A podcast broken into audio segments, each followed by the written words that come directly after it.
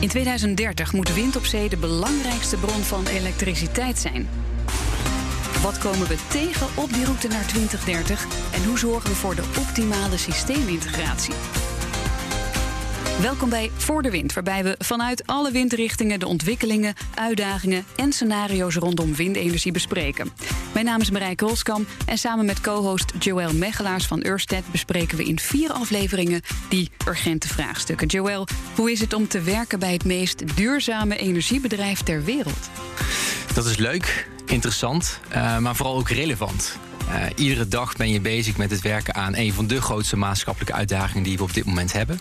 Uh, want Ørsted werkt, uh, wil werken aan een wereld die volledig draait op groene energie. Dat doen we met offshore windparken. 30 jaar geleden het eerste vandaag de dag windparken in Amerika, Europa en Azië. Uh, en in Nederland willen we graag meer. Meer dan ons Borselen 1 en 2 project.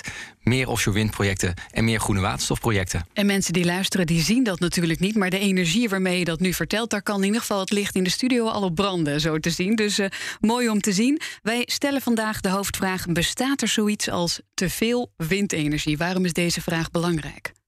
Die vraag is belangrijk omdat we aan de vooravond staan van een enorme groei aan offshore wind in Nederland. Vandaag de dag is zo'n 2,5 gigawatt offshore windcapaciteit online.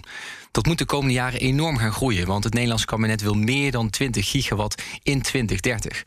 Nou, die meer dan 20 gigawatt aan capaciteit gaat enorme hoeveelheden uh, elektriciteit genereren. Die gaat aan land komen, die moeten we gaan inpassen in het elektriciteitsnet in ons energiesysteem. Mm. En de grote vraag is: gaat dat lukken? Gaan we die omslag kunnen maken in, in acht jaar tijd? En kunnen we offshore windprojecten gaan inpassen binnen de grenzen van ons Nederlands energiesysteem? Ja, systeemintegratie is alles bepalend. Absoluut. Goed, daar gaan we over praten met Jan Rotmans, hoogleraar transities aan de Erasmus Universiteit. En met Wiebrand Koud, founder en CTO van Elestor. Ontzettend fijn in stereo, heren, dat jullie er zijn. Ik start met Jan. Um, kun je ons jouw beeld schetsen van het ultieme energiesysteem in 2030? Wat hebben we dan hopelijk al bereikt en wat gaan we daarna nog meer doen? Um, nou, ik droom even hardop. Ja, doe dat. Uh, ik, ik, hoop dat we dan de hoeveelheid wind op zee uh, ja, verviervoudigd hebben. Dat zou al een majeure prestatie zijn. Hè? We hebben nu ongeveer 2,5 uh, gigawatt. Nou ja, als we tussen de 10 en de 15 uitkomen, zou dat echt al een fantastische uh, prestatie zijn. De 20 gaan we niet halen, normaal gesproken, maar dat hoeft ook niet. Eén. Uh, uh, twee is dat we dan veel meer aandacht besteden aan de uitwisseling tussen het produceren en het opslaan van die windenergie. En ten derde denk dat hoop ik echt dat we een fikse slag hebben gemaakt met groene waterstof. Want ja, als je echt hè, Tata Steel wil laten draaien op groene waterstof, laat staan de olieraffinaderij in de Rotterdamse haven. Ja, dan heb je zomaar 5 à 10 extra windmolenparken nodig. Dus er moet aan de vraagkant heel veel gebeuren, maar ook aan de aanbodkant. En daar ligt wel de sleutel, wat mij betreft. Want we gaan naar een totaal nieuw energiesysteem. Hè. Veel meer integratie op allerlei schaalniveaus: lokaal, regionaal, nationaal, internationaal. Nou, dat kost zomaar één generatie. En de beslissende slag kunnen we de komende acht jaar maken. Maar daar moet er wel heel veel veranderen. Ja. En Joël, ik kan me voorstellen dat je dan ook uh, als uh, onderdeel in die keten veel meer een netwerker bent dan dat je kant-en-klare oplossingen aanlevert en zegt: Nou, dit is het. Absoluut. Uh, we hebben offshore windparken nodig die meer zijn dan alleen een offshore windpark. Meer doen dan enkel elektriciteit aan het net leveren. Het moeten systeemprojecten worden. Projecten die op een bepaald moment elektronen leveren aan het landelijk net, als daar ruimte voor is. Maar op een bepaald moment ook ervoor zorgen dat die elektronen opgewekt op zee worden afgenomen direct bij het aanlandingspunt. Wanneer het landelijk net vol zit. Of daar bij het aanlandingspunt waterstof van gaat maken. Kortom, van offshore windprojecten naar systeemprojecten. Dat is denk ik de grote uitdaging uh, voor de komende acht jaar. Om die in onze ogen nog steeds wel 20 gigawatt te kunnen realiseren binnen de grenzen van ons energiesysteem. Goed, hier wordt druk geknikt door Wiebrand. Uh, Wiebrand, wat is jouw persoonlijke drive in die uh, windenergie en hoe krijgt dat vorm? Mijn drive en, en ook de drive van, van Elestor, we hebben een geweldig team van 25 mensen in, in Arnhem, is om betrouwbaarheid toe te voegen aan offshore wind. Um, elektriciteitsopslag is de sleutel. Nou, dat is wat Elestor Electricity Storage doet. Mm -hmm.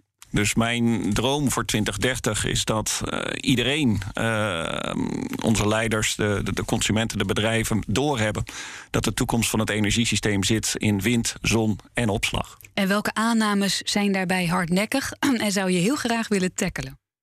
Dat uh, duurzaam duur is en dat het onvoorspelbaar is. Um, kijk, die onvoorspelbaarheid die zou je hebben met uh, op zichzelf staande uh, wind- of zonprojectjes. Maar als je het ontwerpt, echt goed ontwerpt als systeem. Met wind en zon en opslag in een intelligent ontworpen onderlinge verhouding. Dan heb je baseload. Ja, en... en... ook tegen veel lagere kosten dan met iedere andere manier uh, om elektriciteit te produceren. En we zien steeds meer uitvragen ook naar die, dat totaalpakket, dat totale systeem. Juist. Ja, en nog even voor de mensen die denken: ja, opslag, dat is toch ingewikkeld en uh, uh, duur. jullie doen een hele andere manier van opslag. Kun je vertellen, zoals je op een verjaardagsfeestje zou vertellen, hoe dat eruit ziet? Ja, onze manier van elektriciteitsopslag is uh, zeker tien keer goedkoper dan met lithiumbatterijen kan. Uh, we pakken het echt heel anders aan. Uh, we hebben een batterij die werkt met een vloeistof en met waterstofgas. En daarmee kan je tegen heel lage kosten, die vloeistof is namelijk goedkoop en, en waterstofgas ook, ehm, tegen heel lage kosten en met een hoog rendement elektriciteit opslaan in, in gigantisch grote hoeveelheden. Dus dan heb je het niet meer over een, een batterij zoals we hem nu kennen. Maar dan heb je het over een elektriciteitscentrale die twee kanten op kan. Een elektriciteitscentrale die je kan opladen als er windenergie uh, te veel wordt opgewekt. En waar je dagenlang Nederland mee kan aandrijven uh, als het even windstil mocht zijn. Ja, jullie werken samen met Ørsted. Je bent druk aan het kijken hoe je dat systeem optimaal inricht. en in de voorbereiding zei jij. Ja, wat ik belangrijk vind om te vertellen is gewoon, we gaan dat fixen. Ik heb daar alle vertrouwen in. Nou zie ik ook genoeg krantenkop en artikelen van ja, hoe komt dat eigenlijk allemaal? Ook met de vraag, zit je straks niet met overcapaciteit? Wat is dan jouw antwoord? Natuurlijk is er geen overcapaciteit. De, uh, het energiesysteem van morgen zal fantastisch zijn. Um, maar het komt er niet vanzelf. Dus allebei is, is waar. Um, het, het, is inderdaad een, een, gigantische, niet te onderschatten opgave. Um, maar het is leuk en het is heel interessant en, en, het is spannend. Zei hij met een grote grijns. Ik ben benieuwd naar uh, de grijns, dan wel voor ons van Jan Rotmans aan de andere kant. Want als we kijken naar het hoofdstukje ontwikkelingen, hè, van goh, waar kwamen we vandaan? Ik kan me ook goed herinneren dat jij op grote congressen echt hele zalen wakker moest schudden van nou, dit gaat er gebeuren. Waar staan we nu? Nou, we staan wel aan de rand van een doorbraak. we hebben in Nederland uh, zon en wind worden inderdaad de backbone. Van de energievoorziening. Maar het is niet voldoende. We hebben ook nog heel veel duurzame warmte nodig. Geothermie, aquathermie, misschien wel kernenergie, uh, restwarmtegebruik. Maar we staan aan de rand van een doorbraak. Wat we de afgelopen tien jaar hebben gedaan op het gebied van wind, uh, met name op zee, dat is inderdaad. Daar ben ik wel trots op. Het, het, heeft wel 30 jaar geduurd voordat het zover kwam. En nu moeten we het doorpakken. alleen, wat we wel onderschatten, is um, het wordt een heel ingewikkeld systeem, hè, die systeemintegratie. Juist door die uitwisseling tussen uh, productie en opslag op allerlei niveaus. Uh, bijvoorbeeld op het niveau van je straat krijg je een uitwisseling tussen je elektrische auto, een slimme oplaadpaal en je woning. Nou, op wijkniveau krijg je weer uitwisseling tussen die straten. Op regioniveau. Dus je krijgt een cascade ja van uitwisseling van elektriciteit en warmte. De nou, stroomschema's worden stukken complex. Dat kost heel veel geld, dat kost honderden miljarden. Maar het gaat zichzelf ook terugbetalen. Alleen, er zit altijd tijd uh, tussen. Ten tweede, we gaan naar een elektriciteitssamenleving. Wij schatten in dat over 30 jaar we vijf keer meer elektriciteit gaan gebruiken dan nu. Uh, dat moet natuurlijk groene stroom zijn. Uh, niet alleen wereldwijd, maar ook in Europa cijfers variëren. Dat kan zelfs tien keer meer zijn. Nou, dat betekent dat je zegt. Uh, is er te veel wind op zee? Nee, structureel kom je zelfs tekort. Natuurlijk kan het incidenteel gebeuren en dat hoort bij die overgangsfase waar we in zitten. Maar we komen structureel tekort. Voorbeeld. We willen heel veel wind op zee gaan investeren voor groene waterstof. Nou, stel je voor, je wil Tata Steel op groene waterstof laten draaien. Dat kost vijf windmolenparken extra op zee. Rotterdamse haven zomaar 10 à 15. Dus, en dan komen we nog tekort. Want wij hebben uitgerekend dat als Nederland in 2050 wil draaien op groene waterstof, met name de industrie heb ik het dan over, dan moeten we meer dan de helft uit het buitenland halen. Dat kunnen we niet allemaal uit de Noordzee halen. Er is sowieso hè, een maximum. De schattingen lopen uiteen van 40 gigawatt tot 70. Maar 70 is wel heel veel, maar er is een maximum.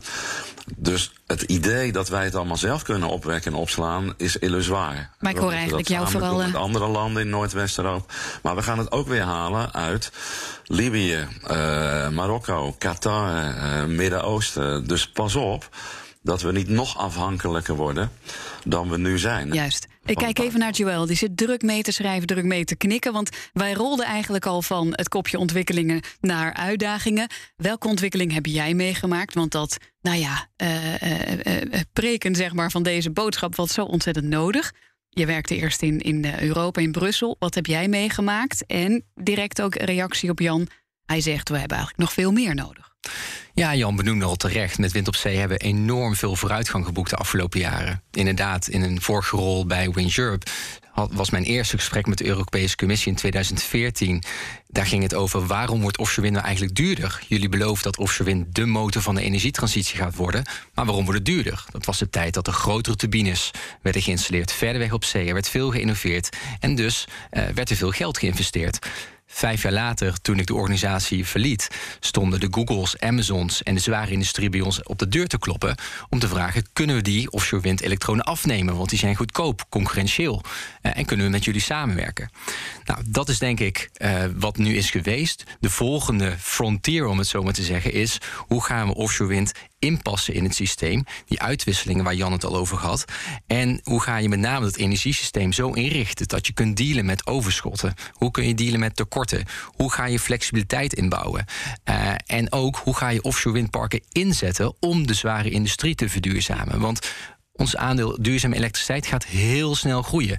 Maar het aandeel duurzame energie wat gebruikt wordt in de industrie, dat is nou juist waar we grote CO2-reducties kunnen realiseren. En wat dat betreft is de uitdaging misschien nog wel groter dan, dan Jan al aangaf. Want we hebben Tata en Rotterdam. Maar op dit moment het grootste, uh, grootste consument van waterstof, dat is het industriecluster in Zeeland. Dus we kunnen nog een aantal offshore windparken eraan toevoegen. Ja, dus uh, vaart maken, dat is ook volgens mij wat ik uh, tussen de regels hoor. Absoluut. We moeten nu gewoon gaan beginnen.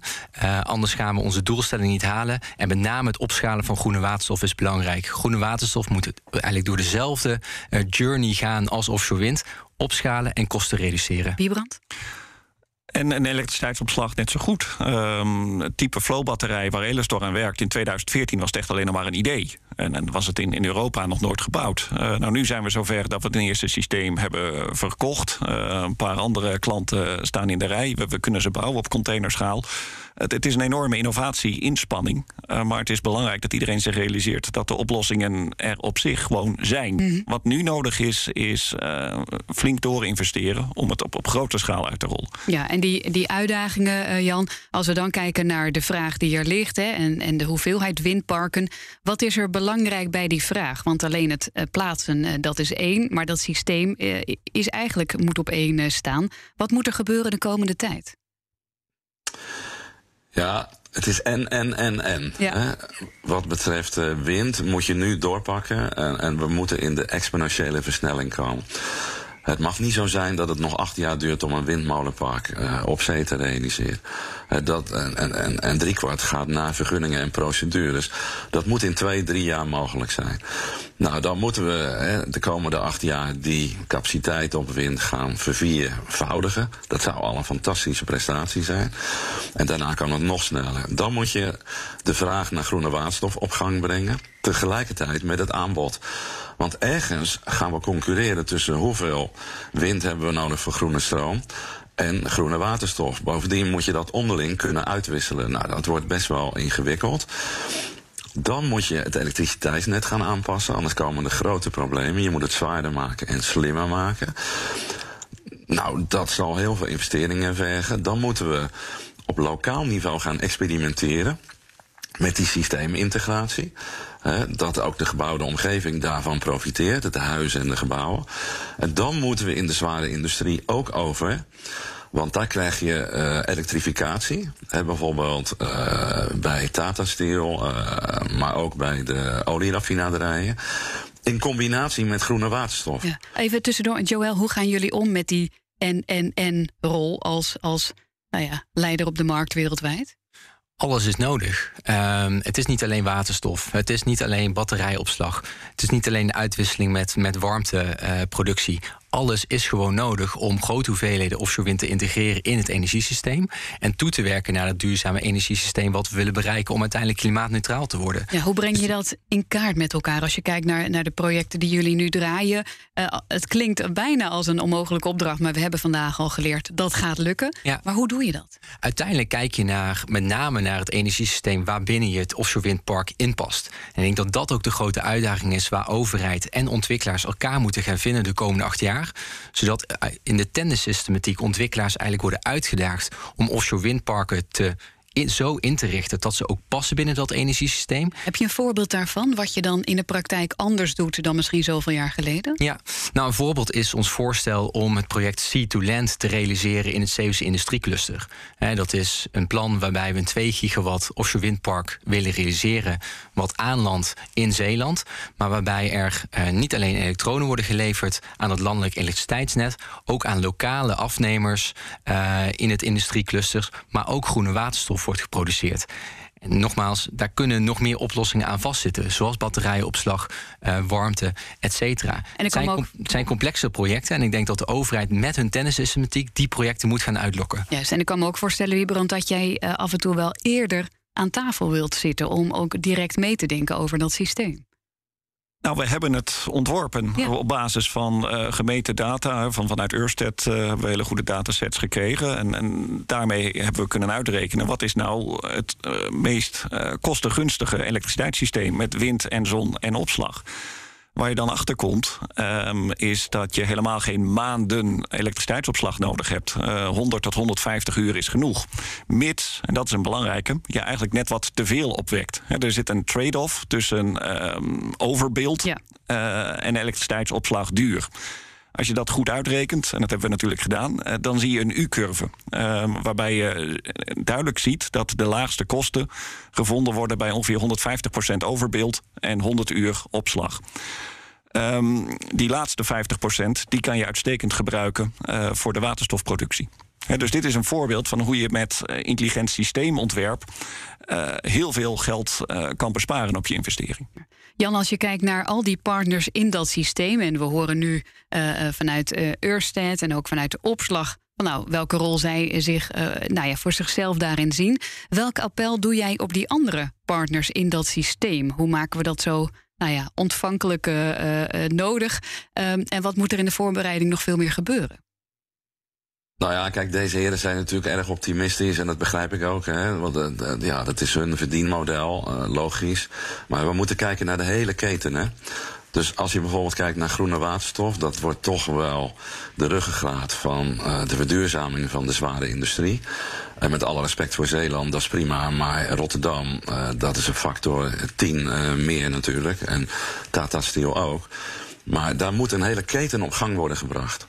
Het gaat om de, de productie van groene waterstof, het gaat om de distributie, het gaat om de verwerking, het gaat om het gebruik, het gaat om de opslag. En ik probeer al jaren die ketenpartners te mobiliseren, mm. ook in Rotterdam, om te zeggen: jullie moeten gezamenlijk naar de overheid gaan. En zeggen: dit kost zoveel miljard, wij investeren zoveel. Want dat kan een enorme impuls geven aan die opschaling van wind op zee. Maar die partners, die, ja, die treden nog individueel op. Hè? Ja. Ik, ik, ik heb het over de Shells, ik heb het over de Siemens. Ik heb het ook over de Ørsted. Daar moet echt een nieuwe keten gevormd worden. En je moet, als je dit van de grond wil krijgen, samenwerken. Geen enkel bedrijf kan dit alleen. Er wordt hier druk geknikt aan, deze, aan deze tafel, Joel. Ik kan me zo voorstellen dat die uh, leercurve enorm uh, nou ja, hoog gaat en, en snel omhoog.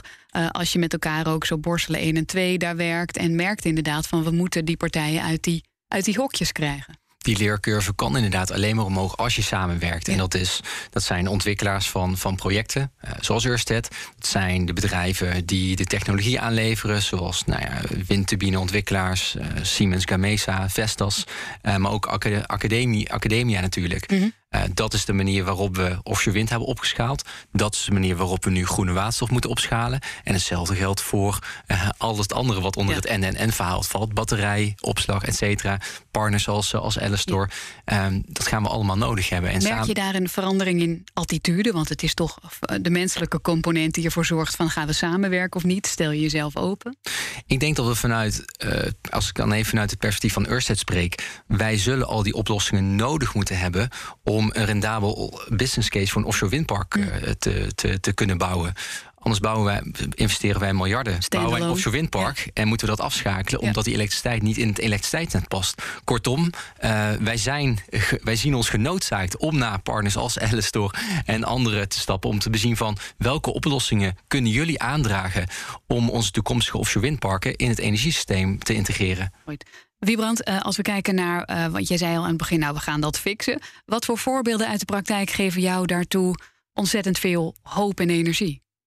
dat uh, de technische oplossingen allemaal voorhanden zijn. Er hoeft eigenlijk niks meer uitgevonden te worden. En ook als je de economische analyse maakt, dan zie je dat je domweg goedkoper uit bent als je uh, gezamenlijk investeert. Um, samenwerking is essentieel. Het, het is misschien meer een, een, culturele uitdaging dan een technologische uitdaging. Jan, herkenbaar? Ja, nou, cultureel. Uh, ja, het vecht wel een omslag in denken. Dat is onderdeel van een transitie. Voor mij is het vooral een organisatorische opgave en een mentale opgave. Ja, mentaal is denk uh, we, ik. We problematiseren het gauw, maar dit is de grootste uitdaging waar wij voor staan. En we gaan het ook fixen. Alleen, twee dingen. Het is complexer dan we ooit hebben meegemaakt. En twee, de financiering kan natuurlijk niet uit op systeemniveau. Kijk, wel wind op zee, maar als je het over systeemintegratie hebt, dan kost dat honderden miljarden. We gaan het veelvoudig terugverdienen. Wij kunnen het voorbeeld voor de rest van Europa worden. Maar het is meer een mentale en organisatorische opgave. Hoe gaan we dit organiseren met al die partijen? En dat vraagt ook leiderschap. Mooi, dus eigenlijk. Het hangt op leiderschap.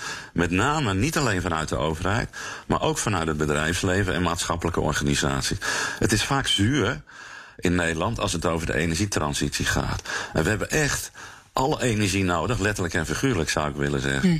Ook binnen onszelf, om dit te fixen. Dus in plaats van het te problematiseren, moeten we zeggen, nou ja.